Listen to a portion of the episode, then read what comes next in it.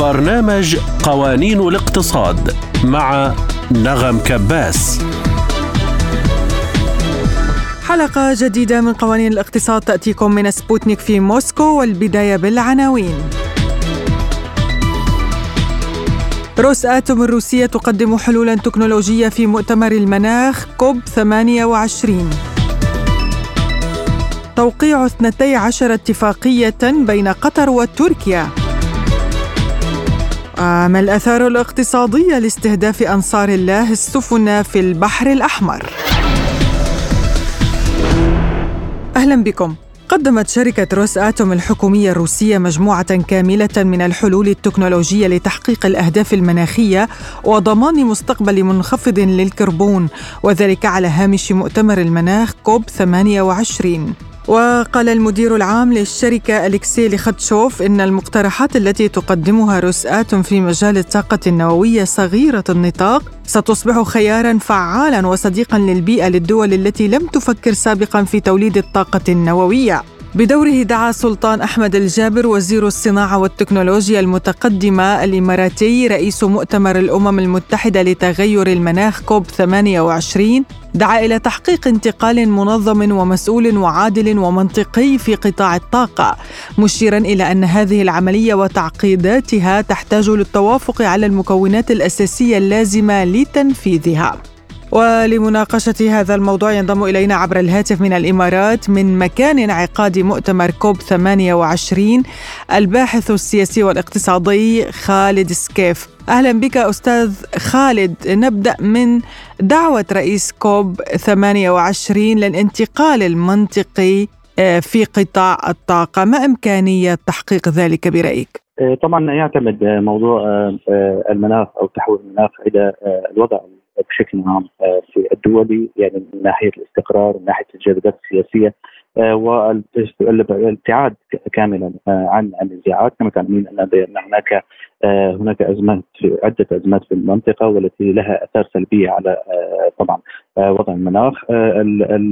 الرئيس وزير الصناعة والتكنولوجيا المتقدمة الشيخ سلطان دعا عبر هذا المؤتمر بأنه يجب تحقيق انتقال منظم ومسؤول وعادل ومنطقي في قطاع الطاقة مضيفا بأن هناك رؤية للدولة من أجل تحويلها إلى فرص للتنمية الاقتصادية المستدامة، طبعا هناك تجاوز لارتفاع درجة حرارة الأرض أو تفادي لتجاوز ارتفاع درجة حرارة الأرض على مستوى واحد ونصف درجة مئوية من خلال جهود جماعية.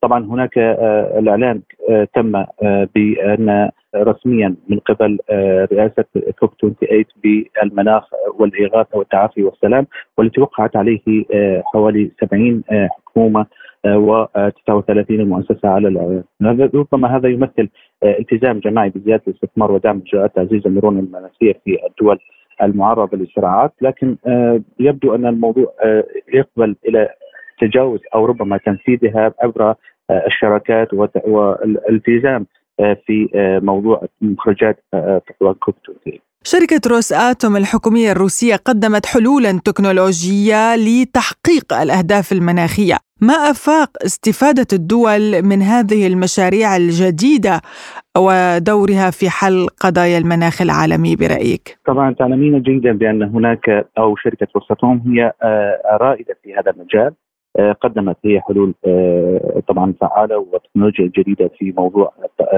يعني إخراج محطة للطاقه النوويه المصغرة وهذا ربما هو مطلوب في المنطقة بشكل كبير خاصة في منطقة الشرق الأوسط. آه، تحاول إيجاد آه، طاقات بديلة من أجل آه، تقليل أو تحييد التاثير على المناخ سلبيا. وربما شركة روستاتوم طبعا ما قدمته في كوب 28 حلول في هذا المجال. وأعتقد أن هناك يعني عدة أطراف مهتمة في موضوع التعامل مع هذه الشركة من أجل الحصول على خدماتها من أجل بناء محطات مصغرة نووية، طبعا أيضا إضافة إلى ذلك هناك آه، قد آه، يعني ذكر أو صرح آه، رئيس شركة روساتوم كيريل كوماروف وجود أكثر من 70 مشروع لمفاعل نموذجي صغير قيد التصميم في العالم. وأيضا هناك طبعا منتشرة في عدة مناطق حول العالم، أيضا هناك اهتمام من قبل دول من أجل استثمار هذه المحطات ونشرها على أن تكون بديلا للطاقات التي تؤثر سلبيا على آه، وضع المناخ. الإمارات أيضا أستاذ خالد دعت لتنفيذ مخرجات كوب 28 والتزام الدول بها، هل تتوقع تنفيذ ما يتم الاتفاق عليه هذه المرة؟ يجب النظر في موضوع جدية آه، دولة الإمارات في تنفيذ ذلك، نحن نتحدث عن آه، دعم أو من قبل دولة الإمارات في ب 30 مليون دولار من أجل الإسهام في تسريع تنفيذ مخرجات كوب 28 وأيضا آه، طبعا المشاركة الدولية كانت آه، حاضرة في هذا المؤتمر. نحن نتحدث عن حوالي أكثر من 180 رئيس دولة وحكومة دولية وحكومه حول العالم آه، شاركت في المؤتمر. وأيضا حوالي أكثر من 500 ألف مشارك أو طلب تسجيل في المنطقتين الخضراء والمنطقة الزرقاء. يعني هذا يدل ربما على آه، مشاركة فريق أو أو تحفيز من قبل دولة الإمارات من أجل الإسهام في الوصول إلى نتائج آه، ملموسة، لكن كما تعلمين بأن احتمالات التأثير السلبي أو التوترات السياسيه أو أو بشكل عام هناك عدة آه، ربما عوائق. الحرب في غزة والأزمات في المنطقة ربما هي تساهم في الوقوف بعائق ربما في آه، في موضوع الإسهام والوصول إلى النتائج المرغوبة آه، من قبل آه، هذا المؤتمر. وربما يعني خير ارشاد على حالنا اليوم هو حرب في غزة.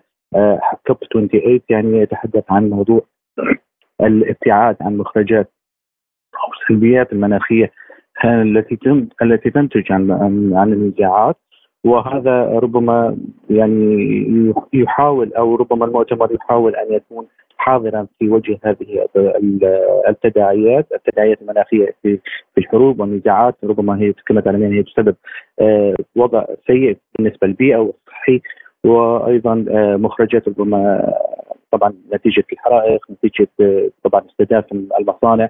أو المنشآت ربما التي تخرج منها مواد كيميائية وعضويه ومركبات عضويه كل هذه الأمور ربما هي آه، أمور سلبية بالنسبة لكوب آه، لكن آه، جدية دولة الإمارات هي حاضرة في هذا المشروع في هذا المؤتمر من أجل إنجاح المؤتمر والخروج إلى نتائج تنفذ عبر عبر فترة وجيزة.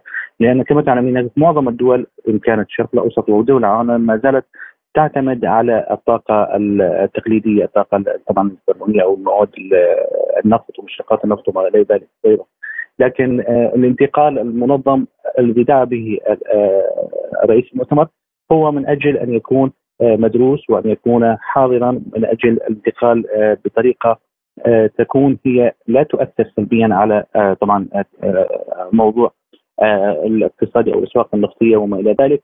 وأيضا الإسهام بطريقة آه، استخدامها بطريقة آه، ربما مدروسة حتى لا يكون لها لها تبعات ربما سلبية آه بما أنه يعني حضرتك مشارك في كوب 28 وحاضر هناك، كيف وجدت المشاركة هذا العام؟ نعم في الحقيقة تفاجأت بحضور دولي كبير في المشاركه في كوب 28 أيضا هناك اهتمام من قبل المشاركين من أجل الاكتشاف ربما حول الحلول البديله لموضوع الطاقة وأيضا حول الاستدامة وأيضا الزراعة وما إلى ذلك.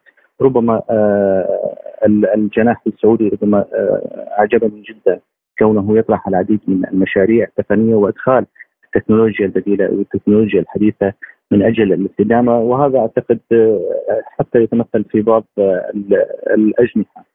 كانت الصينيه والروسية وربما أيضا أكثر من جناح. لكن المشاركه الدولية هي الأعداد الكبيرة التي شاركت هي ربما أعطت فرصة من أجل آه، الاكتشاف الأكثر والأفضل بالنسبة للكره الارضيه وبالنسبه آه، طبعا مؤتمر الأطراف مؤتمر الباحث السياسي والاقتصادي خالد سكيف كنت معنا عبر الهاتف من الإمارات من كوب 28 شكرا جزيلا لك.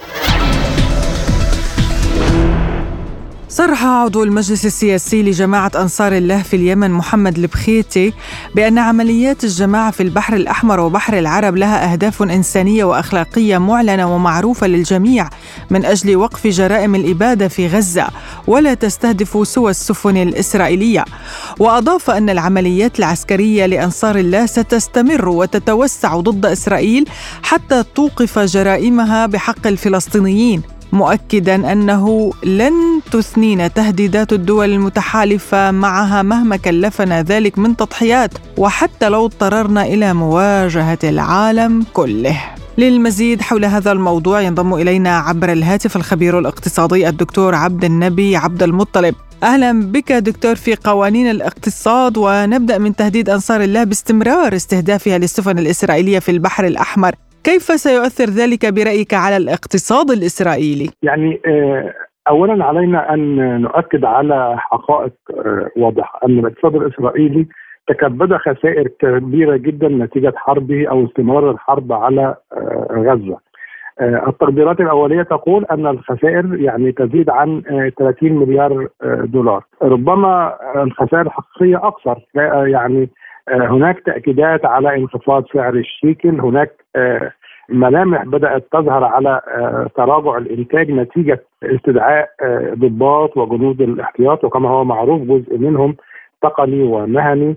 أيضا هناك بدأت تخوفات يعني من العمالة الأجنبية اللي موجودة في إسرائيل خاصة بعد إلغاء تصاريح أكثر من 120 ألف عامل فلسطيني.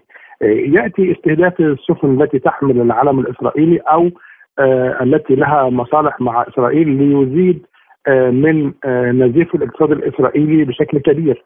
اولا يعني هذا الاستهداف سوف يجعل السفن الإسرائيلية أو المرتبطة بإسرائيل تحاول البحث عن ممرات مائية بعيدة عن البحر الأحمر وأعتقد أن هذا سوف يكلفها الكثير من الأموال.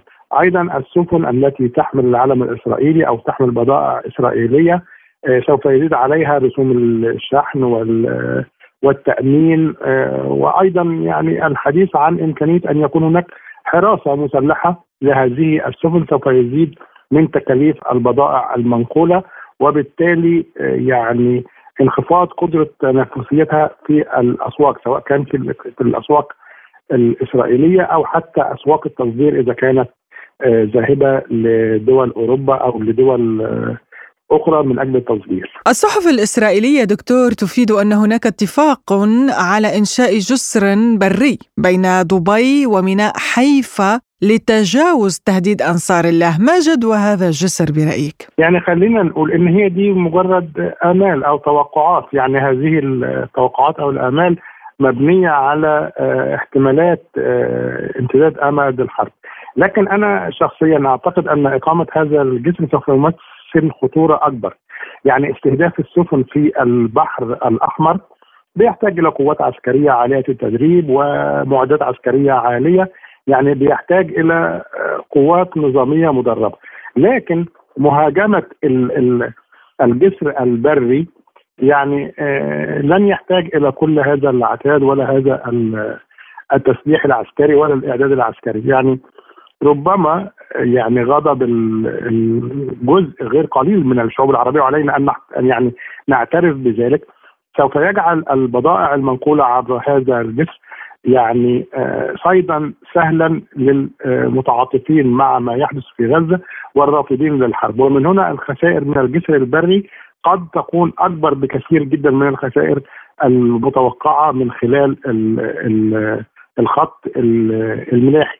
بل وربما آه، يعني يؤدي هذا الجسر ومهاجمته أو آه، آه، محاولة عرقلته إلى زيادة النشاط المعادي للحرب في غزة وربما يعني يزيد عدد المتضررين. يعني إذا كنا نتحدث عن شركات مهدده الجنسيه أو أنظمة موجودة في المنطقة أو رجال أعمال ربما يزيد من خسائر المستهدفين ويؤدي إلى خسائر أكثر للاقتصاد آه، الإسرائيلي وليس العكس. ما هي العواقب الاقتصادية لهذه الهجمات الحوثيين على الشحن التجاري في البحر الأحمر دكتور؟ يعني بالتأكيد أبسط الأمور أنه سوف يؤدي إلى شح شح السلع المعروضة وبالتالي ارتفاع الأسعار وربما زيادة معاناة الأفراد والمجتمعات التي تعتمد على استيراد السلع من الخارج يعني شعوب ودول المنطقة والتي تعتمد على الممر الملاحي الموجود في البحر الأحمر كأحد أهم المسارات لتوصيل حركة التجاره أو لتيسير حركة التجارة ما بين دول المنطقة ودول العالم. وزير الدفاع الأمريكي ونظيره السعودي بحثا هذه التهديدات للملاحة في البحر الأحمر، هل تتوقع دكتور نجاح أمريكا في تشكيل تحالف جديد في المنطقة؟ يعني أنا في اعتقادي أن هذا أمر قائم بالفعل وأعتقد أن الإسرائيليين يضغطون بشدة من أجل إقامة تحالف آه، دولي متعدد الأطراف من أجل حماية الملاحة في البحر الأحمر ولو أنني شخصيا أعتقد أن الهدف سيكون أكبر من ذلك أن يكون هناك آه، دولية لحماية أمن ومصالح إسرائيل حال تفكير بعض آه، الدول أو بعض الجهات من أجل توسيع الحرب. فالهدف ليس حماية البحر الملاحة بقدر ما هو يعني زيادة التحالف الدولي الداعم عسكريا فعليا لإسرائيل، يعني الآن آه، آه، بريطانيا والولايات المتحدة الأمريكية تتحدث عن أنها تقدم معلومات استخباراتية أو مساعدات آه، يعني لوجستية لإسرائيل وأنها لا تقدم أي مساعدات عسكرية.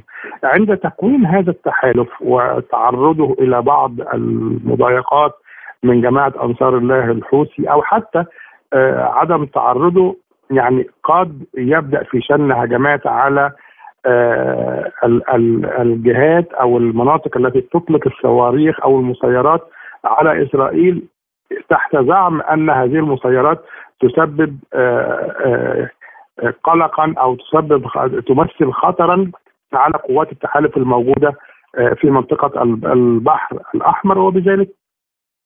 تنجح إسرائيل في تكوين جبهة دولية للحرب نيابة عنها خاصة بعدما يعني بدأ حجم الخسائر سواء على مستوى الاقتصادي أو على مستوى الأفراد يؤرق المجتمع الإسرائيلي ويسبب ضغوط كبيرة على الحكومة الإسرائيلية من أجل يعني الوصول إلى حل سريع لما يحدث في آه، غزة. الخبير الاقتصادي الدكتور عبد النبي عبد المطلب كنت معنا عبر الهاتف من القاهرة، شكرا لك.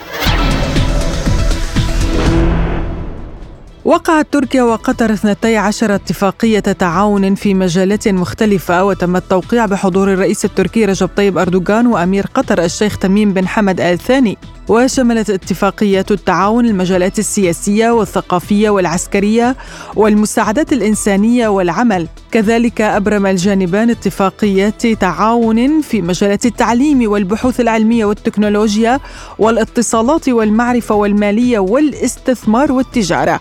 بدورهما وقع وزير الخارجية التركي هاكان فيدان ونظيره القطري محمد بن عبد الرحمن الثاني الإعلان المشترك للاجتماع التاسع للجنة الاستراتيجية العليا بين دولتي تركيا وقطر. ولمناقشة هذا الموضوع ينضم إلينا عبر الهاتف الخبير بالشأن التركي الدكتور مهند حافظ أوغلو.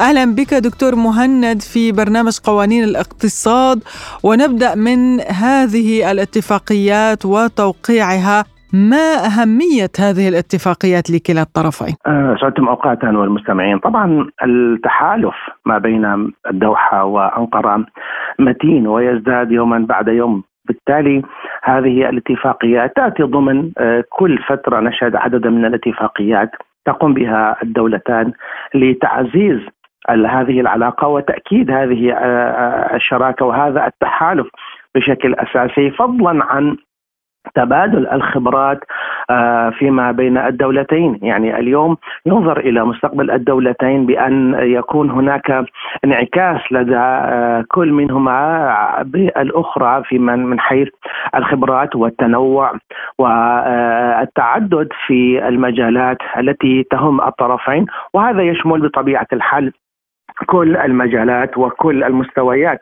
يعني نحن اليوم آه، قبل آه، حوالي آه، أشهر قليلة رأينا تم التوقيع على أكثر من 28 اتفاقية.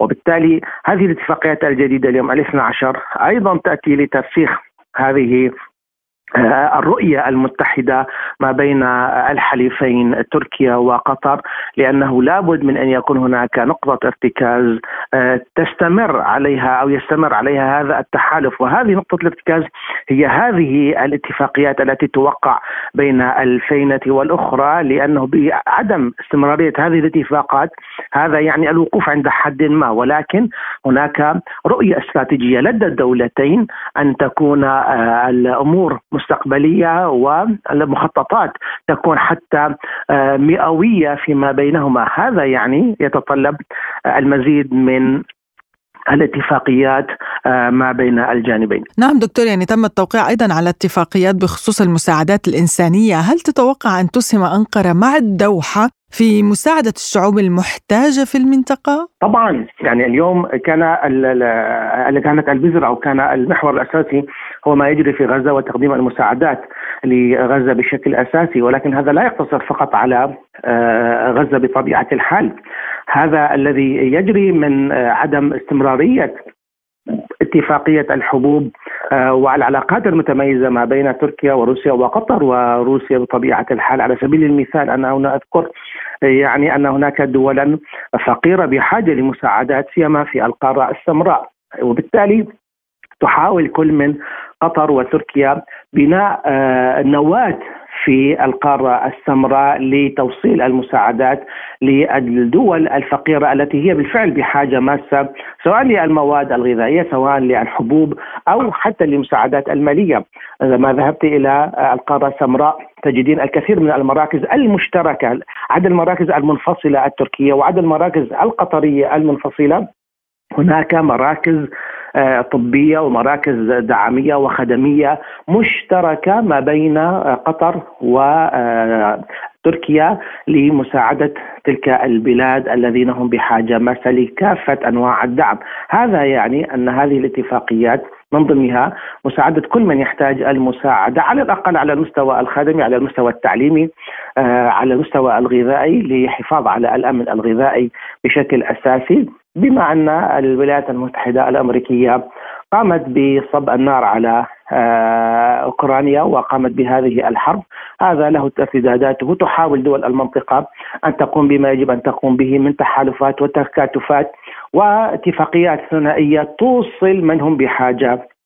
لتلك المساعدات. أيضا شملت توقيع اتفاقيات التعاون في المجالات السياسية، كيف يمكن أن يسهم الجانبان في حل المشاكل الإقليمية الملحة بما فيها الأزمة الفلسطينية؟ يعني هذه هي النقطة بالتحديد تحاول كل من أنقرة والدوحه أن تشكلان نواة لقوة ضغط آه، خاصة سياسية لأن كلا الدولتين هي حليفة للولايات المتحدة الأمريكية، صحيح أن تركيا ربما آه، تتناسب أو تتناغم أكثر مع الجمهوريين في حين أن قطر تتناغم أكثر مع الديمقراطيين ولكن في المحصلة الولايات المتحدة الأمريكية حليفة لكلتا الدولتين وبالتالي تشكيل نواة آه، قوة ضغط على الملفات السياسية سواء على الولايات المتحدة الأمريكية أو حتى على ملفات متعددة.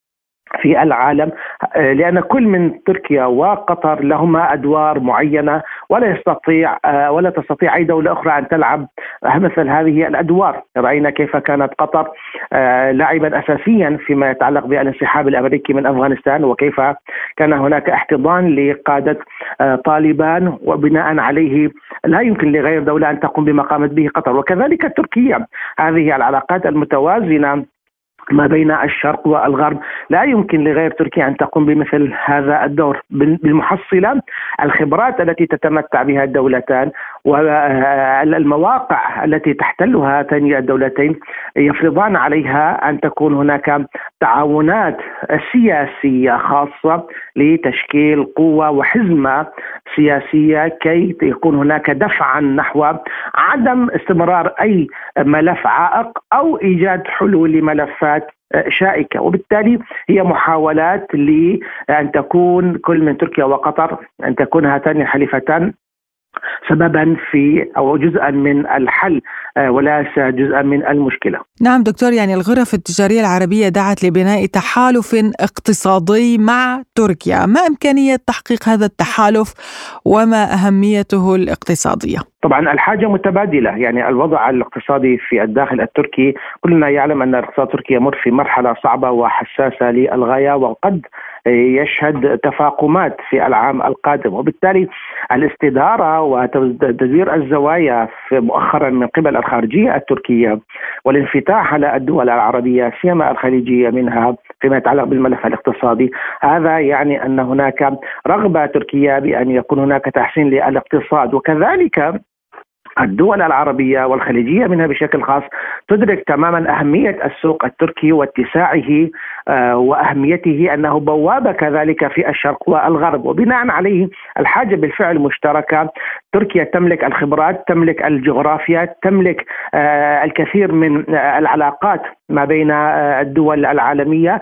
والدول العربية تملك رأس المال وتملك الإنتاج. وبالتالي تبادل هذه الأدوار وتعاونها وصولا إلى تشكيل تعاون كامل اقتصادي. هذا يعني بأننا سوف نشهد الكثير من التطورات الاقتصادية ما بين تركيا والدول العربية بشكل أساسي ولولا ما جرى من حرب على غزة لكن قد شهدنا ربما الكثير من التقدم في الخطوات الاقتصادية. ولكن هذه الحرب جعلت الكثير من الملفات تتوقف مرحليا على أن تستأنف لاحقا رثما تضع هذه الحرب أوزارها. وبناء عليه التعاون الاقتصادي مهم وغايه في غاية الأهمية كونه هو الذي يحرك السياسة. يعني نحن لدينا في علم الاقتصاد السياسي أن الاقتصاد هو من يحرك السياسة وأن السياسة هي من توجه آه، الاقتصاد وبناء عليه ومن منطلق هذه القاعدة في الاقتصاد السياسي ليدرك كل الأطراف من تركيا والدول العربية أهمية التعاون الاقتصادي فيما بينهما لكي تكون هناك نتائج حقيقية بالأرقام منعكسه ايجابا على كل الدول. الرئيس التركي منذ قليل صرح بأنه اتفق مع الرئيس بوتين حول مسألة إمدادات الغاز الروسي إلى منطقة البلقان وأوروبا عبر مشروع مركز الغاز في تركيا ما الدور اليوم الذي تلعبه تركيا في هذا الملف؟ يعني آه، تتمتع أنقرة بحكمة بالغة من أن روسيا آه، دولة في غاية الأهمية وطرف لا يمكن تجاهله ولا يمكن شن عليه آه، عقوبات أو شن عليه حروب. وبالتالي لابد من التعامل مع الجانب الروسي بما يستحقه وهذا تدركه موسكو وتقدره تماما لتركيا. لذلك نحن مضى حوالي عام وعشرة أشهر على الحرب الأوكرانية ولا تزال العلاقات التركية الروسية آه، في غاية المتانة. بالرغم من أنه كان هناك بعض الشوائب ولكنها لم تكن آه، حجر عثرة في تقدم هذه آه، العلاقات. هذا يعني أن تركيا وروسيا تؤكدان على أهمية هذه العلاقات ومن ضمن هذه العلاقات وعلى رأسها والامدادات آه، في موارد الطاقة، يعني اليوم التعاون الطاقي ما بين أنقرة وموسكو كبير وكبير جدا، بل تركيا تطمح أن تكون هي مركز عالمي آه، لا مثيل له ليكون مركزا لتوزيع الطاقة لدول العالم من خلال التعاون مع الجانب الروسي. هذا يعني أن هناك طموحات كبيرة وأن هناك رؤية ل 2053 و2071 في تركيا على رأسها وفي مقدمتها آه، قناة إسطنبول وكذلك إمدادات الطاقة لأنها هي المستقبل. وبالتالي هناك رؤية استراتيجية في كل من أنقرة وموسكو لأن المستقبل يجب أن يكون فيه التعاون من الآن ووضع حجرات الأساس. وبالفعل كلنا يعلم محطة أكويوم آه، في في تركيا والتعاون المشترك ما بين كل من روسيا وتركيا في هذا الملف اذا هناك طموحات وهناك رؤى مشتركة استراتيجية بعيدة المدى لا تنتهي في آه، آه، عقود بل سوف تستمر لقرون حتى لأن الدول عندما تعمل تعمل وفق استراتيجية معينة وكيف إذا كان الأمر يتعلق بالمسألة الطاقية. الخبير بالشأن التركي الدكتور مهند حافظ أوغلو شكرا جزيلا لك على هذه المداخلة. نهاية حلقة هذا الأسبوع من قوانين الاقتصاد إلى اللقاء.